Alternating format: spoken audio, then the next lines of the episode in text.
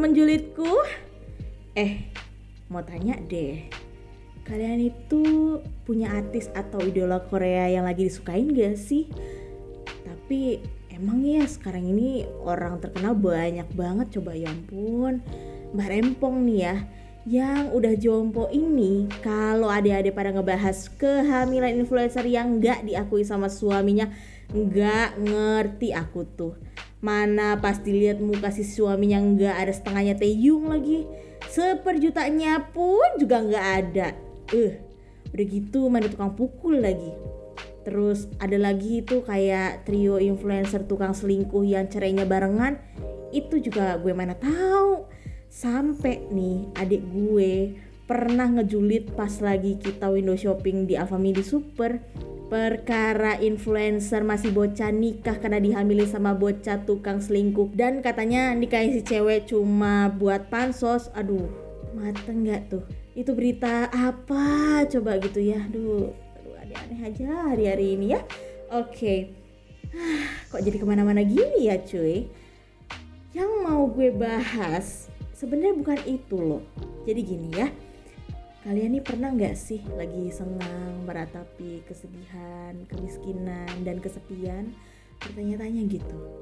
Namjun itu kalau kentut wangi nggak ya? Atau tante Erni kentut setelahnya tuh ngeluarin ah tanda lega nggak ya? Ih ini ya gara-gara pikiran kayak gini Mbak Rempong hari ini tuh jadi galau.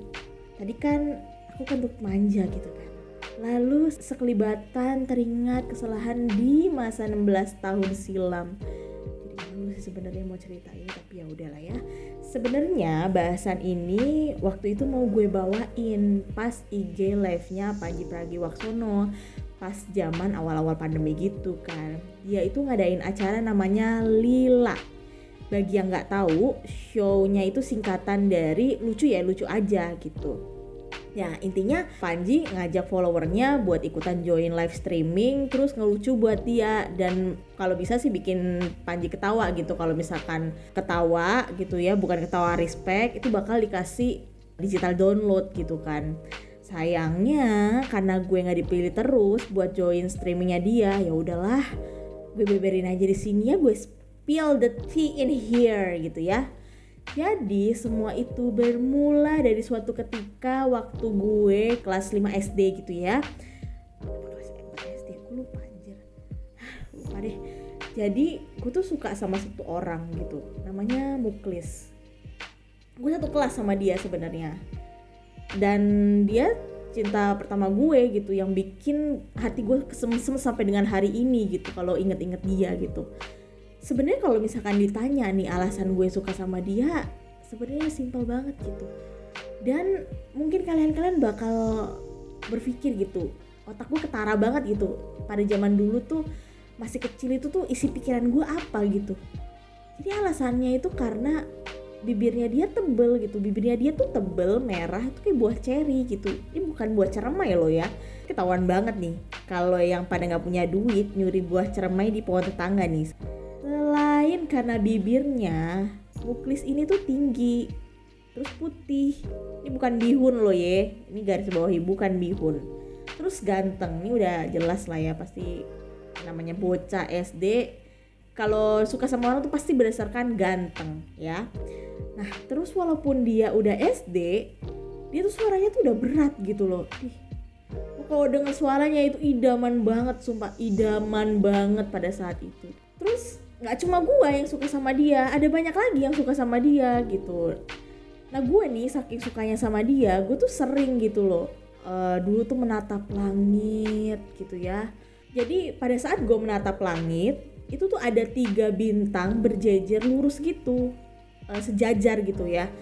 Dan itu tuh tiga bintang itu tuh selalu terlihat paling terang di antara bintang-bintang yang lainnya. Nah gue dengan bodohnya berdoa kepada bintang itu supaya si muklis ini suka sama gue ke bintang ketiga bintang itu coba mateng gak lu? Terus juga tuh waktu itu pernah gue mudik kan gue mudik ke Surabaya tuh.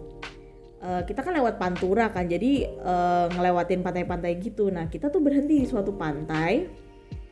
Kita main-main air gitu kan ya main-main air di pantai. Terus uh, orang tua gue lagi jauh adik-adik gue lagi jauh. Terus gue ngambil uh, kayu gitu ya kayu batang pohon gitu.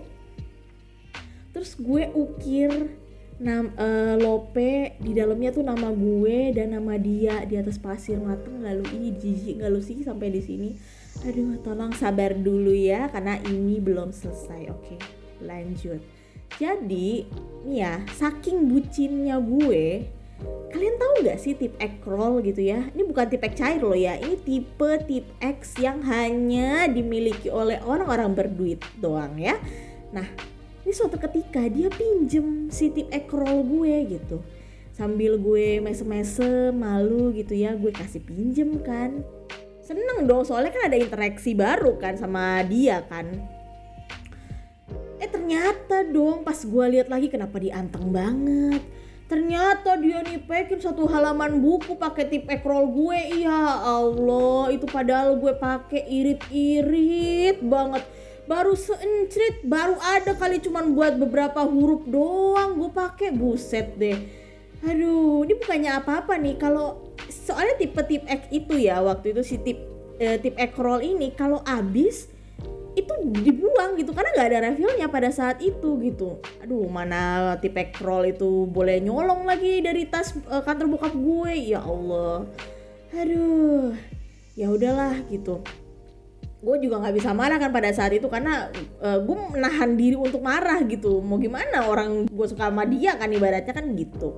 Terus suatu ketika juga pernah tuh ada tugas karya seni. Gua disuruh sama guru gua buat bikin gantungan anyaman karena gue jago ya pada saat itu bikin uh, gantungan anyaman gue udah selesai kan ceritanya. Terus gue lihat tuh dari kejauhan kayak si Muklis ini belum uh, selesai gitu sama tugasnya. Terus gue samperin dia pelan-pelan. Terus gue menawarkan diri dong.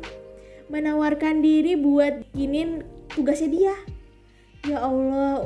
Terus dia mau. Ih mau. Ya iyalah orang dibantu ya pasti mau lah gitu terus gue duduk tuh duduk di belakang kursinya dia terus dia uh, ngelihat ke arah gue terus gue sambil uh, nganyam gitu ya nganyam pita-pitanya itu. Terus gue dalam hati sampai sambil gugup senyum-senyum sumringah seneng gitu kayak ada pencapaian baru di dalam hidup gue yang baru SD kelas 5 buset deh. Itu emang jaraknya deket banget dan kan, karena kenapa? Soalnya waktu uh, pada saat gue suka sama dia itu tuh gue selalu memantau dia dari jauh gitu loh selalu memantau dia dari kejauhan dan pasti akan selalu memantau apa sih yang dia akan beli pada saat istirahat gitu. Gue inget banget tuh dulu dia tuh sering banget beli fruity rasa apel dan gue tuh pasti akan beli juga. Ya Allah tuh saking bucinnya tuh. Terus nih ya ini ada satu di titik di mana gue tuh udah kepalang gemes udah kepalang kesel nggak bisa nahan lagi karena tuh karena gue itu tuh saking sukanya sama dia kali ya gitu. Nah pada saat itu tuh karena ada kabar burung yang beredar kalau ada kakak kelas SMP yang suka sama dia tau gak sih apa yang gue lakuin? Jadilah gue meraih tangannya dia. Gue ajak dia ke kelas kosong waktu istirahat. Terus gue menyatakan cinta ke dia. Gue bilang gue suka sama lu. Lu mau gak jadi pacar gue itu gue ngomongnya tuh deg-degan banget. Itu tuh udah kayak nggak bisa ngomong lagi udah kayak terbata-bata. Terus kayak ada sesuatu yang emang akhirnya lega sih sebenarnya. Cuma yang mirisnya gini ya jadi di kelas itu di kelas kosong itu kan ada papan tulis. Ada papan tulis putih yang pakai spidol itu dicoret-coret sama sama uh, murid yang dulu yang sebelumnya di kelas di situ gitu ya Terus dia mulai nih menghapus beberapa coretan di papan tulis itu dan menghasilkan kata apa? Kata no. Hmm, mampus. Sedih banget pas gua tahu. Sedih, malu, terus habis itu oh, gue cuma bilang oh gitu. Ya udah. Ya udah kalau gitu gue paham. Gue kabur ke kelas gue terus teman-teman gue nyamperin gue. Sumpah itu gue malu banget, malu semalu-malunya sumpah ya gimana orang ibaratnya kan kalau dulu dulu ya apalagi dulu zaman gua ya zaman gua dulu SD itu tuh nggak ada cewek yang nembak coy. Itu tuh kayaknya di dalam di dalam satu angkatan gue kayak baru gue deh yang nembak nembak cowok duluan gitu. Gak ada tuh sejarahnya gitu. Ya gue gak ngerti lah ya kayak sekarang sekarang ini mungkin ada yang nembak duluan karena uh, deh karena sama gemesnya sama gue tapi ya pada saat itu gue juga merasa bodoh banget sih gue kenapa nembak cowok duluan gitu namanya posesif ya belum memiliki tapi sudah posesif, giran kita sudah mengutarakan terus ditolak, nangis, kesel dan lain sebagainya gitu ya. Nah, setelah itu, setelah kejadian itu kita naik kelas gitu ya ke kelas 6. Eh ternyata kita beda kelas dong. Ya udahlah ya. Akhirnya gue juga memutuskan untuk uh, mengubur semua perasaan-perasaan gue waktu itu karena juga ibaratnya udah nggak sekelas lagi gitu kan ya. Gue juga cuma memandanginya dari jauh udah udah dulu jauh makin jauh. Dulu kan ibaratnya cuma 10 meter gitu kan. Ini tuh bener-bener literally yang kayak dari dari ujung sekolah sampai ujung sekolah tuh baru gue liatin tuh. Itu saking ya gimana ya tapi gue waktu itu juga memang udah decided untuk udahlah gue nggak mau suka lagi sama dia atau juga gue ditolak ibaratnya kan kayak gitu ya. Sudah gitu dia setelah naik kelas 6 ternyata gue baru tahu kalau dia nembak cewek Arab putih tinggi langsing. Hmm, kebalikannya dari gue tuh nggak makinlah gue apa ya meratapi hidup di pojokan kelas gitu sambil e, meratapi nasib kenapa gue kagak secantik dia gitu kan namanya tuh inget banget tuh gue siapa ya namanya? Yantina tuh ya. Di luar sana yang namanya Yantina please. Lu lu tuh ya lu lagi ngapain sekarang ha? Eh lagi ngapain sekarang? Gue tanya ya. Oke lanjut.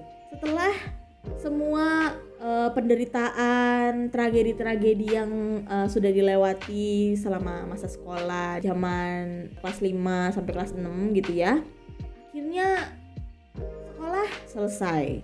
Ya ujian sekolah selesai gitu ya. E, waktu itu uas sama UN udah selesai.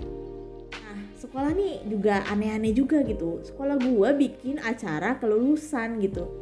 Ya kelulusan uh, ini kayak macam acara wisuda gitu. Gua juga aneh banget gitu. Baru SD aja udah dibikin acara-acara nggak jelas gitu kan. Oke lah uh, karena bikin acara terus ada kayak semacam uh, rundownnya lah ya terus dibikinin lah gladiresik gitu kan buat anak muridnya gitu. Jadi ada se semacam sesi acara di mana semua anak muridnya itu berbaris gitu ya berbaris panjang lurus dua barisan gitu uh, memanjang ke belakang itu untuk naik ke panggung gitu ya kayak dikasih semacam uh, piagam kelulusan gitulah. Nah terus entah kenapa nih takdir dari mana gitu ya gue gak ngerti. Itu si Muklis depan gue persis cong. Gue lagi berdiri kan ibaratnya kan uh, anak murid yang tadinya di suatu lapangan luas gitu ya lagi berkumpul terus tiba-tiba kita baris baris baris baris berdua ke belakang depan gua persis muklis gua gak ngerti deh tahu-tahu hmm anjir dalam hati gua gitu kan. Udah mulai panik gitu alhasil keringat-keringat gue bercucuran gitu. Gue cuma bisa diem waktu itu. Terus perut gue tuh mulai sakit menahan rasa gugup juga gitu kan. Ada sesuatu yang bergejolak di dalam sanubari terutama perut gue. Nah gue mikir kan dari di situ daripada ada hal-hal yang tidak diinginkan. Gue ngobrol lah sama si Muklis. Niatnya mau menghilangkan rasa gugup sekaligus memberikan momen terindah yang terakhir antara kita berdua di dalam hidupnya dia. Ya paling nggak keinget-inget uh, sedikit-sedikit lah bahwa ini gue ada loh di dalam hidup lu gitu kan. Udah tuh. Tapi ternyata Tuhan berkata lain ada sesuatu yang ingin dikeluarkan dari raga ini. Aduh, panik gak lo? Saking paniknya, pada saat gue ngobrol sama dia, suara gue makin gue kencengin pas lagi ngobrol sama dia. Gue buang semua malu gue, gugup gue terus gue bilang sama dia yang lumayan kenceng tuh kok lama banget ya kita belum maju hmm kondisi lagi rame anak memang pada ngobrol-ngobrol nungguin instruksi kan dari uh, gurunya. Gue pikir pada saat itu rencana gue berhasil. Kentut gue keluar dengan sukses tanpa diketahui karena suaranya udah disaruin kan.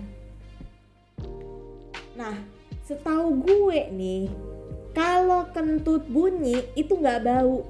Yang bau adalah kentut yang nggak bunyi. Lu tahu nggak berapa lama kemudian dari belakang gue terdengar teriakan ih siapa ini yang kentut? Bau banget. Hmm, mateng gue. Langsung gue terdiam muka gue merah. Itu gue udah nggak bisa ngeliat sekitar karena saking malunya saking merahnya. Kenapa? Apa-apa masalahnya muklis juga kebau sama kentut gua bangsat bangsat aduh pada saat itu gue tuh takut ya. Pada saat itu gue tuh udah diem. Terus gue mulai berpikir sedikit kemudian. Gue takut ketahuan gue takut dituduh. Terus habis itu gue bilang gini ih bau siapa ini yang kentut anjing? Gue gak mau ngaku bangsat aduh. Itu itu itu sumpah malu-maluin banget anjir gue nggak tahu ya pada saat itu muklis tahu kalau gue kentut apa enggak gue nggak tahu. Tapi itu adalah insiden yang memalukan dalam hidup gue dan setelah itu gue nggak ikut acara kelulusan. Fix. Eh, memang waktu itu bokap gue ngelarang katanya katanya dia ngapain sih orang baru lulus SD aja pakai wisuda wisudaan segala gitu. Ya udah gue ikutin. Tapi satu sisi gue nggak menolak karena gue nggak mau lagi ketemu sama Muklis nah itu terakhir kalinya gue ketemu sama dia aduh ah, malu-maluin banget aduh jadi begitulah kisah tragis dari Mbak Rempong ya masih banyak kisah-kisah tragis lainnya dari Mbak Rempong di dalam kehidupannya selama 28 tahun menjalani kehidupan. Oke. Okay? Jadi semoga tidak menginspirasi kalian ya kawan-kawan. Hiburan aja di kala kalian yang lagi kentut cantik. Oke. Okay? Kalau gitu sampai jumpa di perjulitan dan pergibahan lainnya. Bye bye.